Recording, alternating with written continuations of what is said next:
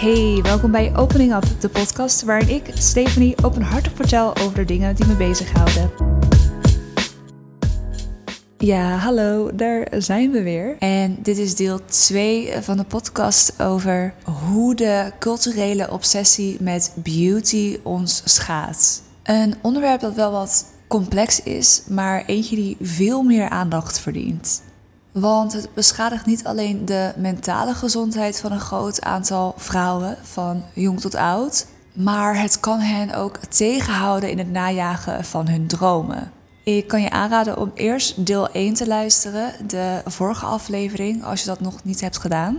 En in deel 1 heb ik het onder meer over waar we nu staan en hoe het zo is gekomen. En waarom het zo belangrijk is dat we hier iets mee gaan doen. En dan in deze tweede aflevering ga ik het hebben over de manieren waarop je jezelf wat meer kunt losbreken van deze obsessie. En hoe we gezamenlijk verandering in beweging kunnen zetten. En ik ga hem zo kort en bondig mogelijk houden, want ik geloof namelijk dat de oplossing hem vaak al zit in puur het bewustzijn überhaupt je bewustzijn over hoe iets je beïnvloedt en hoe dat zich mogelijk doorvertaalt in je dagelijkse zijn, is al een enorme en belangrijke stap. En daarna gaat het er vooral om dat je dat bewustzijn allereerst behoudt en dat je het gaat inzetten om wat vaker op te merken wanneer iets je dan triggert zodat je kunt gaan oefenen met het loslaten en je als het ware een stapje terug kunt nemen en je je niet meer zo laat leiden door je gedachten en je emoties en gevoelens. Want alleen als je het bewustzijn hebt dat iets een veel te grote rol opneemt in je leven, en of dat nu dit onderwerp is of bijvoorbeeld de dood, zodra je dat dus kunt erkennen en inzien, kun je er dus ook werkelijk voor kiezen om het los te gaan laten. En dat is ook de reden waarom ik zo graag over dit soort onderwerpen praat. Is in de eerste plaats omdat ik op die manier een soort bewustzijn voor mezelf creëer. En vervolgens omdat ik graag nose diep ga, geef ik de learnings ook graag weer door aan degene die daar oren naar hebben. En mijn ervaring is dat als je pas als je iets wat meer in de diepte gaat onderzoeken en ook kijkt naar hoe iets is ontstaan, hoe gedragingen zijn ontstaan, hoe dat individueel werkt, maar ook maatschappelijk, dan kun je daardoor ook gemakkelijker een soort van compassie opbrengen voor jezelf. Waardoor je ook wat minder in die vechtstand en um, die weerstandmodus zit. En vervolgens biedt dat dan de ruimte om alleen nog maar bezig te zijn met loslaten. Waardoor het ook stapje bij stapje een steeds kleiner onderdeel wordt in je leven. Oké, dat gezegd hebbende, zal ik nog wat insights delen uit het boek Beauty Sick. Dat is het boek waar ik het ook in de eerdere aflevering over had. In het boek, wanneer het uh, toegaat naar oplossingen, heeft René het onder meer gehad over het belang van mediawijsheid en media-educatie. Maar daarbij legt ze ook direct uit dat het effect ervan eigenlijk overschat wordt. En dat het ook niet genoeg is om de strijd tegen de zogenaamde schoonheidsziekte te winnen. En natuurlijk is het goed en belangrijk dat jongeren al vroeg les krijgen in mediawijsheid en dat ze ook de rol van de media leren herkennen in deze culturele obsessie met beauty. Maar weten hoe je aan de hand van berichtgeving wordt gemanipuleerd en hoe het anders zou moeten, beschermt je alleen nog niet genoeg tegen het schoonheidsideaal.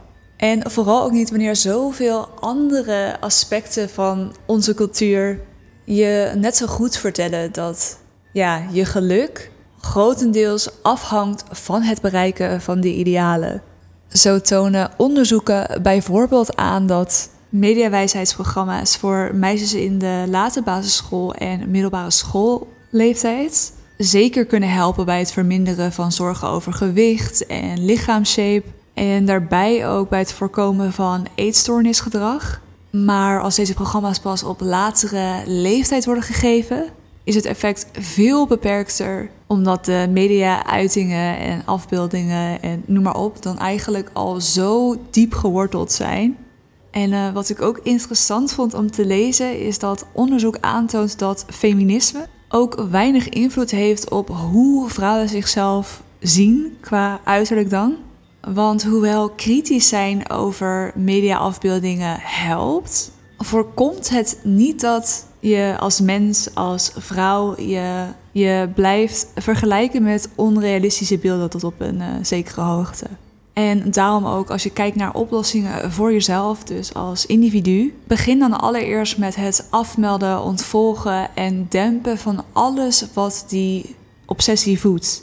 Eigenlijk het belangrijkste wat je te doen staat, is om echt wel een gezonde afstand te creëren tussen jou en je gedachten en je emoties en je gevoelens. En dan dus niet wegdrukken, maar meer dat je ze observeert in plaats van dat je je laat meeslepen. Maar daarnaast, meer extern gezien, is het ook gewoon handig om die stroom aan toxische informatie zoveel mogelijk te beperken. Want als je eenmaal de effecten weet van de culturele obsessie met beauty, die we ook in dus de eerste aflevering hebben doorgenomen, is er echt geen één goede reden om nog meer content rondom dat thema te consumeren.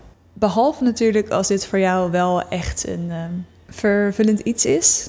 Maar zoals dus die video's op TikTok, waar ik het in de eerste aflevering ook over had, waarin je continu wordt belaagd met tips om er beter uit te zien.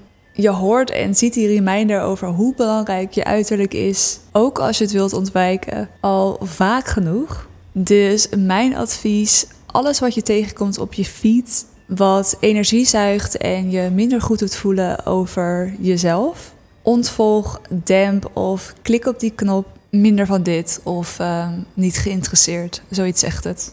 Of uh, misschien denk jij, ja, doe je, ik ga gewoon helemaal van social media. Dat uh, kan natuurlijk ook. Ik denk zelf dat social media gebruik niet per se iets verkeerds is. Maar je moet wel verantwoordelijkheid nemen over wat je consumeert en hoeveel je consumeert. Dus even in andere woorden, in plaats van het gif te bestrijden nadat het al in je systeem is gekomen, verander dus wat je consumeert en wees je bewust van wat je consumeert. En het zou natuurlijk heel mooi zijn als je dan ondertussen werkt aan een vorm van meer persoonlijke bestendigheid, waardoor gif überhaupt niet je systeem in kan komen. Dan daarnaast had ik ook opgeschreven dat ik de reminder wilde geven dat iemand die onzeker is vertellen dat diegene mooi is, is eigenlijk altijd heel lief bedoeld. Maar het is alleen niet de beste aanpak in de strijd tegen de schoonheidsziekte. En dit wordt ook bevestigd door onderzoek. Zo zijn er veel van die goed bedoelde advertisingcampagnes, of in ieder geval daar ga je vanuit, die bijvoorbeeld met het bericht je bent mooier dan je denkt komen of iedereen uh, is mooi. En dat is misschien heel goed bedoeld, maar dat maakt het niet direct ook effectief. Er wordt namelijk in dat geval nog steeds uitgegaan van de veronderstelling dat mooi genoemd worden het belangrijkste is voor vrouwen. Het houdt dus de ziekte of de obsessie of wat je het ook wil noemen even goed in stand. Maar dan alleen met een wat liefdevollere nazorg. En Dove van Unilever is zo'n merk die hier heel erg op zit. En ook samenwerkt met allerlei body positive influencers. En ze zeggen dan ook dat het hun doel is om meer vrouwen zich mooi te laten voelen. Maar het ding is dus wel dat deze campagnes blijven schoonheid koppelen aan geluk. En ze blijven suggereren dat we contenter zouden zijn als we simpelweg accepteren dat we mooi zijn. En wat ik interessant vond, is dat er ook onderzoek is gedaan naar, het effect van de DAF-campagnes. En daar bleek dus dat vrouwen die te horen kregen dat ze ja, mooi zijn zoals ze zijn. En dat hun lichaam al perfect was. Dat het alsnog een negatief effect had op hun welzijn in dat moment. En dat kwam dus doordat ze eigenlijk onnodig weer bewust werden gemaakt van hun voorkomen, hun uiterlijk. En daar ging dan op dat moment al hun aandacht weer naartoe. Dus ja, een liefdevollere en positievere benadering van hetzelfde probleem. Kortom, we hebben in geen enkel geval, op geen enkel moment, extra herinneringen nodig dat ons uiterlijk wordt beoordeeld. En dan daarbij, het klinkt misschien allemaal heel cute, maar er zijn twee problemen als je zegt dat iedereen mooi is. En dan de eerste is dat je daarmee dan zou suggereren dat schoonheid niet echt bestaat. En dat staat op zich al haaks op bergen wetenschappelijk bewijs. Schoonheid is tot op zekere hoogte subjectief, maar in grote mate is dat niet het geval. En ik denk zelf dan ook dat de realiteit daarvan gewoon inzien wel op zijn plaats is. Er zijn echt honderden studies die aantonen dat we het over het algemeen eens zijn over wat we mooi vinden bij anderen. En extreme schoonheid valt op omdat het ongewoon is. Als echt iedereen van buiten mooi is, is ook niemand echt mooi. Er zijn gewoon uh, dualiteiten in het leven. En het is gewoon zo dat sommige mensen qua uiterlijk mooier zijn dan de anderen. En de oplossing is niet iedereen vertellen dat ze even mooi zijn, maar vooral mensen vanaf jongs af aan al weerbaarder maken over het feit dat we ook niet overal gelijk in hoeven te zijn. En hoe hard je ook wil vechten tegen de focus op uiterlijk, het zal altijd een rol blijven spelen door de manier waarop ons brein werkt. En dat werkt zo dat als we aantrekkelijke gezichten zien, dan worden bepaalde delen van onze hersenen geactiveerd die beloningen verwerken. En ons simpele, maar tegelijkertijd meesterlijke brein, die koppelt een mooi uiterlijk uiteindelijk aan gezondheid en gezondheid weer aan vruchtbaarheid. Dus dat is ook gewoon iets wat mensen drijft. Maar om dit wel ook even terug te brengen. Deze reactie op schoonheid komt niet alleen door biologie en evolutie. Onze moderne cultuur is maar een klein stipje in de menselijke evolutie. En het vertegenwoordigt maar een fractie van de tijd in vergelijking met de miljoenen jaren van evolutie die ons hebben gevormd. En zoals René het uitlegt, hebben we dan nu ook vooral te maken met een soort mismatch tussen onze primitieve, gevoelige hersenen en dan dat samen met een cultuur die ons overspoelt met schoonheidsbeelden. Voor duizenden jaren zag geen mens een gezicht zo mooi als dat we ze nu in advertenties zien. Vandaag de dag kunnen we bijna niet aan dat type gezicht ontsnappen. En dus ook gezien hoe we zijn gewired, trekt het continu onze aandacht. Maar dit is dus geen natuurlijke situatie. En daarom is het ook belangrijk dat er wel iets maatschappelijk aan gedaan gaat worden. En ik denk al helemaal met ook het oog op jongere generaties. Toch wel een beetje, net zoals dat we suiker minder beschikbaar kunnen maken voor kinderen, kunnen we allerlei beauty-uitingen ook minder beschikbaar maken voor onze hersenen. En het is dus niet de bedoeling om de gevoeligheid voor menselijke schoonheid uit te schakelen. Dat uh, kan niet en dat hoeft ook niet. Maar we kunnen de nadruk erop wel iets verminderen. En hoe meer we onze hersenen gaan gebruiken voor andere dingen, hoe minder ze worden beïnvloed door de schoonheidsnormen. En hier kun je dus ook wat mee. Zo kun je bijvoorbeeld de gesprekken die je hebt met vrienden of vriendinnen wat meer sturen naar andere onderwerpen. Want nog even een onderzoeksvoorbeeld. 50% van de 18 tot 29-jarigen geeft toe dat ze al bezig zijn met gesprekken over ouder worden. En dan vooral het uiterlijk dat daar dan bij hoort. En uh, ik ben nu zelf 30. En ik hoor net zo goed leeftijdsgenoten zich nu al heel erg zorgen maken over rimpels die opkomen alsof het het verval is aangebroken. En grijze haren worden over het algemeen wel gezien als een dramatisch iets. En daar moeten we gewoon wat mee. Te veel jonge vrouwen krijgen de boodschap dat de waarde van vrouwen afneemt zodra ze ouder worden. En dat natuurlijke tekenen van veroudering iets is om bang voor te zijn. Maar dat is natuurlijk ongelofelijke onzin. En daarbij moeten we af van die tegenstrijdige berichtgevingen Zoals houd van je lichaam, maar niet te veel. Wees zelfverzekerd, maar ook bescheiden. Voel je comfortabel in je eigen huid, maar wees er ook niet te uitgesproken over. Kortom, we prediken body confidence, maar vinden iemand, en dan vaak een vrouw, arrogant wanneer ze dat dan ook echt heeft.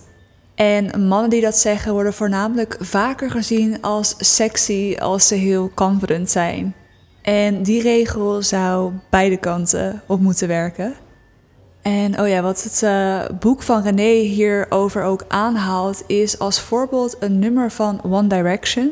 Het is een boek van wel een aantal uh, jaartjes terug. Maar daarin werd een soort van beweerd en gevierd dat een vrouw mooi was omdat ze juist zelf niet wist dat ze mooi was. En als je daar zo over nadenkt, dan is dat eigenlijk wel vrij belachelijk. We moeten echt een cultuur in twijfel trekken die vrouwen vertelt dat ze mooi moeten zijn om geliefd te worden, maar dat ze zich niet echt mooi moeten voelen, want dan vinden we ze ijdel. Kortom, wees je bewust van wat je zelf zegt en kritisch met wat je toelaat in je systeem. Wat ook betekent dat als je bijvoorbeeld uh, ouder bent, hoe graag je bijvoorbeeld je dochter, maar ook je zoon mooi wil laten voelen, probeer de complimenten vanaf nu wat meer te richten op iets waar ze zelf werkelijk wat mee kunnen. En natuurlijk betekent het niet dat je nooit meer iemand een complimentje mag geven over zijn uiterlijk. Maar laat het bijvoorbeeld gepaard gaan met iets wat ook iets zegt over hun persoonlijkheid. En hiermee voorkom je niet direct het probleem.